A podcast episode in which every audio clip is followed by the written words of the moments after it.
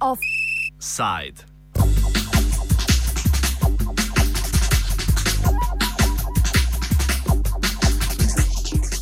Spletni panoptikon. Edward Snowden je žvižgač, ki je svetovni javnosti razkril mehanizme informacijskega panoptikona, v katerem živimo vsak dan. Sledi trendu Bradleya oziroma Chelsea Manninga in Juliana Assangea, ki sta s projektom Wikileaks delovala v nasprotni smeri. Panoptikon v javnosti sta podvrgla ravno te oblastne mehanizme, ki v vsakem trenutku nadzorujejo nas. Seveda ni potrebno posebej povdarjati, da so vsi trije za to plačali s svojimi karierami in svobodo svojega gibanja.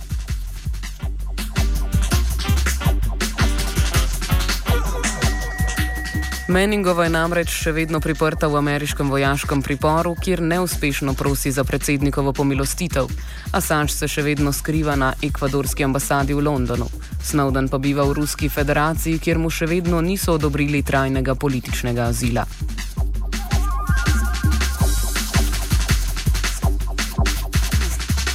V luči tega bo založba Sanja ob 18. uri na Preširnovem trgu organizirala lokalno protestno branje v podporu Edwardu Snowdnu. S tem se bodo, tako kot Radio Student, pridružili vse svetovni akciji Mednarodnega festivala literature v Berlinu.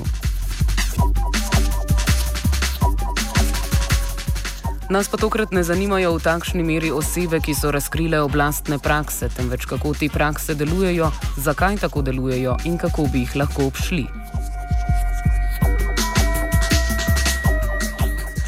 Svetovni splet je bil v svojih začetkih zamišljen kot neutralna platforma, kibernetska skupnost uporabnikov, tedaj še akademikov, na kateri je koda spletnih strani odprta in dostopna vsem.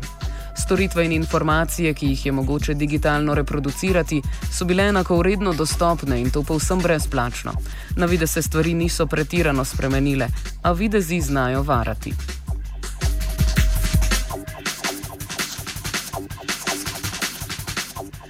Govorili smo s slovensko pionirko interneta, profesorico na inštitutu Jožefa Štefana, Borko Jerman Blažič, ki je med najzaslužnejšimi, da smo v tedanji Jugoslaviji dobili dostop do interneta kot 16. država na svetu. Vprašali smo jo, kakšno je stanje teh vrednot danes. Trenutno pa se zaključuje tudi ta mednarodni forum za upravljanje z internetom, ki poteka v Istanbulu. Ne? Torej, oni se zelo pogosto dobijajo in tam pač se tudi prizadevajo, da internet, kljub temu, ne, da, da, da kot, uh, kljub vsem tem škandalom, ki so na, pač kot Snowden, za Sanžom in podobno, ne, da se vseeno nekako ohrani, če se le da, koliko toliko njegova neutralnost. Ne, ker z neutralnostjo interneta nekako je tudi zagotovljena določena varnost, bi rekel, navadnih uporabnikov.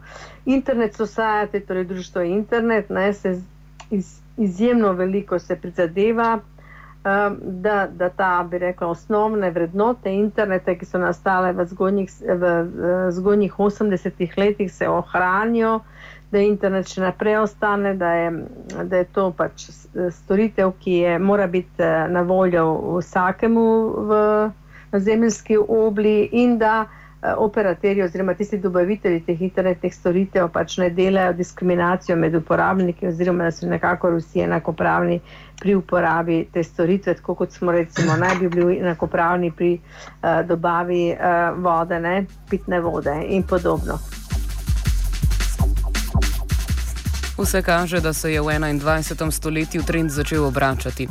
Ljudje vse bolj uporabljamo centralizirane storitve, kot sta Google in Facebook. Te so na vide za sto, na zanje plačujemo na drugačne načine.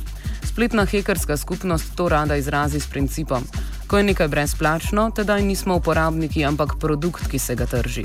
Nadaljuje Blažičeva.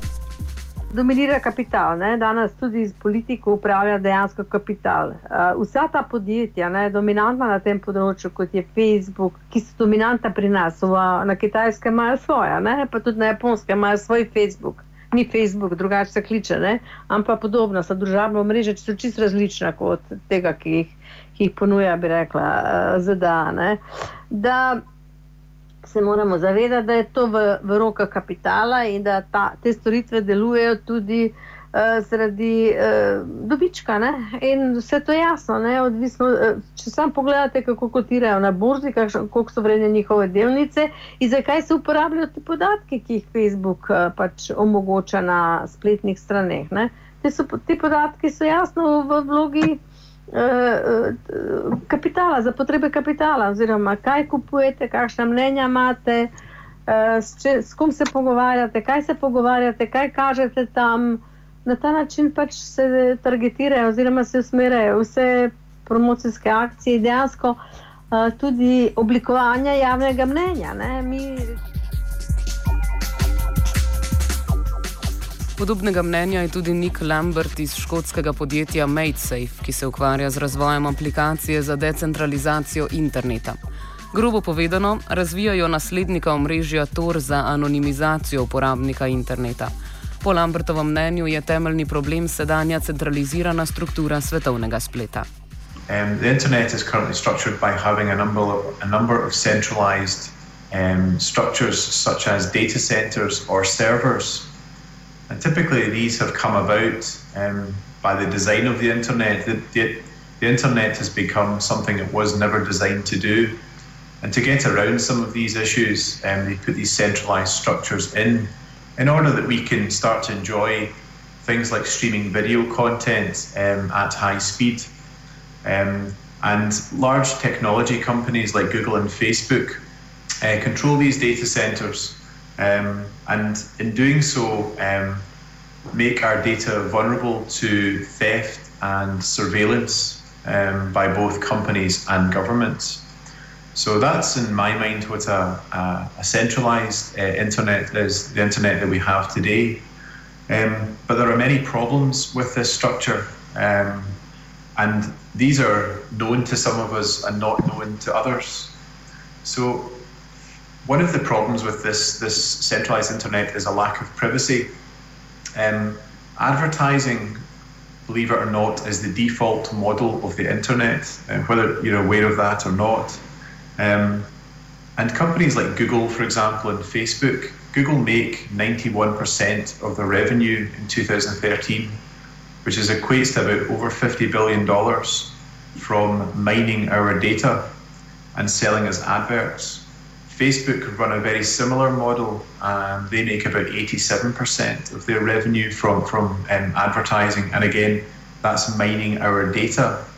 Um, I think as consumers, we have the misconception that we are the customers or the clients of Google and Facebook.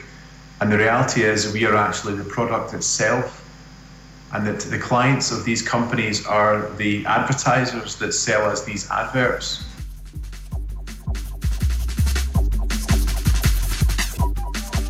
Informacije seveda ne zbirajo samo korporacije, temveč tudi državne obveščevalne agencije.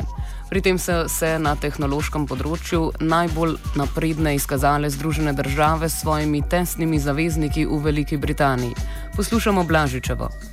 Kljub temu, da dominirajo svojo tehnologijo in velikimi sredstvi, ki jih vlagajo, mislim, da ga sploh ne moramo predstaviti, da to, da nadzorujejo svet, ker danes svet lahko nadzoruješ s kapitalom, ki ga oni tudi počnejo, ampak tudi z informacijami. Ne? Tako da, uh, tako bi rekla, težko se eh, druga tako velika sila njej upre. Ampak zdaj s pojavom Kitajske, Indije in Rusije, ne, uh, s pojavom bi rekla, Kitajska ima posamezno organizacijo oziroma plačuje njena država ogromno število hekerjev. Ne, Pač oseb, ki lahko udrejo tudi tako bi rekla, zavarovane sisteme, ki jih zdržuje Združene države Amerike. Zaradi tega ta potreba, bi rekla, po še večjem investiranju, še večjem angažiranju dodatnih, bi rekla, agencij, ljudi in varnostnih služb za nadzor teh komunik komunikacij, preziranje podatkov, če dalje raste. Obveščevalni aparat je torej v začaranem krogu, nekakšni hladni vojni. Le da se tokrat ne razvija jedrskega ali konvencionalnega orožja, temveč načini, kako zbirati podatke o svojih nasprotnikih oziroma potrošnikih in tako predvideti vzorce njihovega obnašanja. Pri tem zasebne korporacije sodelujejo z državnimi agencijami, nadaljuje Lambert. Surveillance has been going on for some time. Programs like um, Shamrock um, and also Echelon. Um, since the Second World War, this has been a real a real issue, and Prism has really brought it um, more into the mainstream media that this that this is happening. And Prism specifically was a program where um, the NSA were able to access information held within technology companies like Google and like Facebook. Um, and I think the jury's still out as to whether these companies are complicit or not in providing this information. It's not clear to me at this point uh, what is the case there. But again, this is another fact of centralized um, data, you know, data centers making this job extremely easy for both companies and governments to access this information. Lambert nam oriše svoj projekt Safe Network, katerega namen je strukturno zaobiti obstoječa vozlišča nadzora. And this new network will be, rather than being run through data centers owned by companies and uh, surveilled by governments, this new network will be comprised of the spare computing resources of all the users on the network. So that's individuals in their homes will download some software and provide these resources to the network. Um, and they'll be incentivized for providing these resources um, by a network token, um, which is another story probably. But um, this network will be made up by all the users of the internet. So we end up with a, an internet that's for the people and by the people, uh, and it will be owned by no one. Um, within the SAFE network, as we are calling this, and SAFE stands for Secure Access for Everyone, um, there's really two parts um, as we've designed it, and that's the client and also the network itself. Um, and when a user downloads the software, it automatically installs a vault on their machine, um, which is really like a storage location. Um, and the client is used by the user to send instructions to the network. So if they're looking to upload a file to the network or chat to a friend, the instructions are, are sent via the client. Um, the data on the network part itself is never unencrypted and it's split into chunks. So data on the network, um, um, passwords don't exist on the network. Uh, information is only ever encrypted or decrypted on the client within the individual's computer. So no passwords can ever be accept, uh, intercepted in transit on the network because they're simply not on the network. Um, and within this network, it's possible to run any of the services that you currently see on the internet today, uh, from Dropbox to YouTube to social networks, everything. Na internetu namreč nismo varni. Grožnja se ne skriva samo v mladoletnem hekerju, ki želi dostopati, dostopati do naših golih fotografij, shranjenih na oblačnem disku, ampak predvsem v monolitni spregi zasebnega in državnega.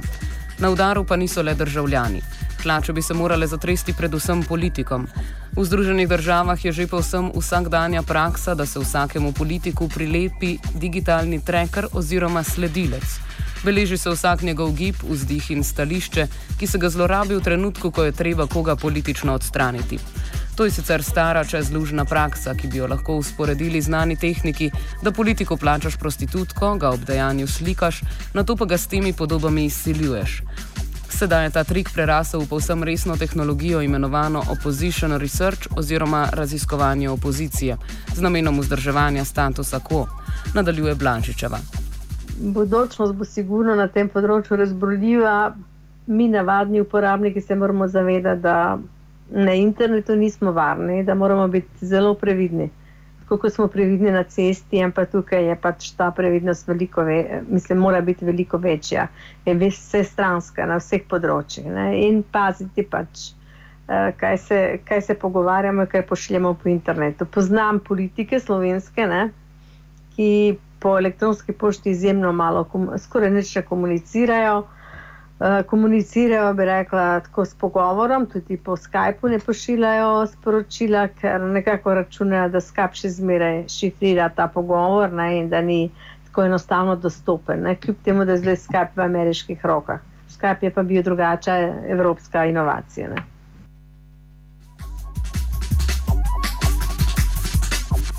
Podobni trendi se kažejo tudi v Sloveniji.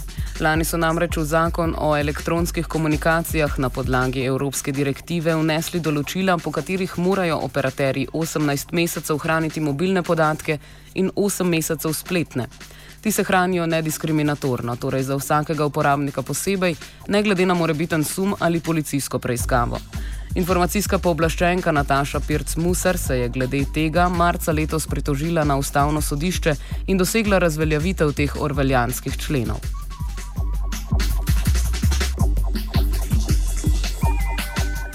Kljub temu pa je le malo podatkov v osnovi primerno kriptiranih. Telefonski klici in SMS sporočila so na tem področju popolnoma razgaljena.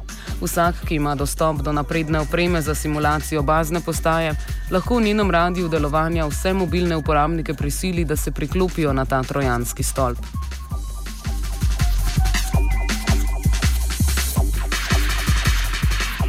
Seveda nam pri tem lahko pomagajo aplikacije za pametne telefone, s katerimi kriptiramo tako klice kot sporočila, vendar za to vrstne storitve pri lajkih preprosto še ni potrebne zavesti.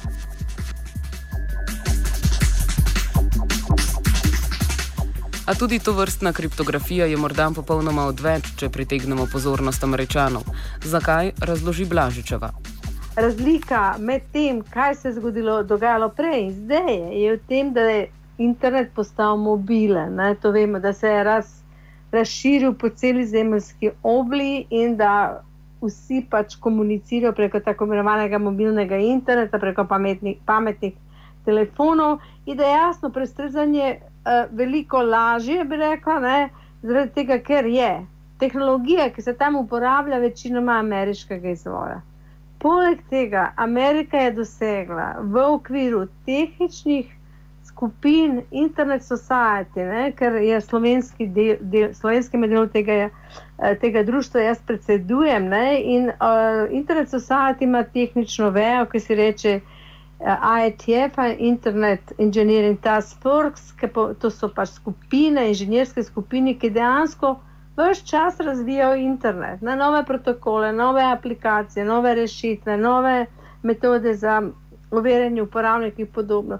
In med temi skupinami v zadnjem času to je bil tudi en škandal, ki jasno v slovenski javnosti ni bil tako, eh, bi rekla, objavljen oziroma ni bil pokrit. Ne?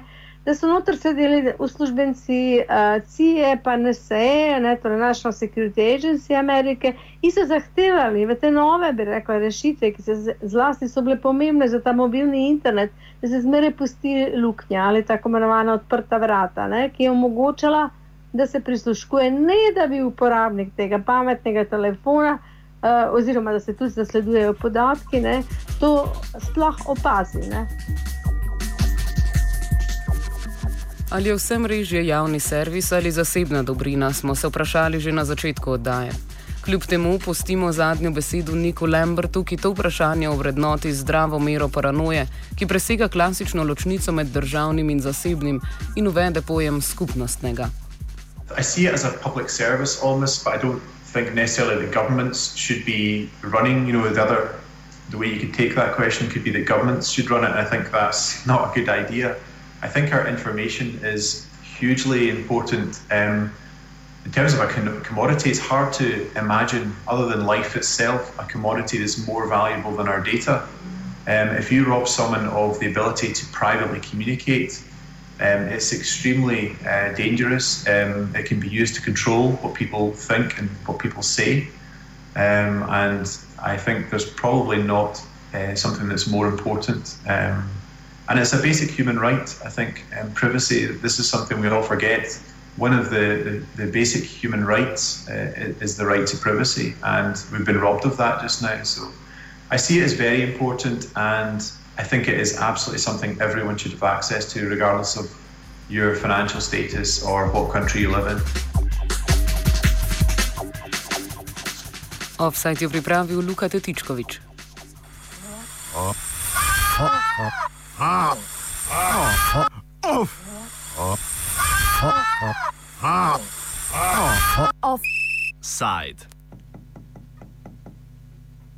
is it?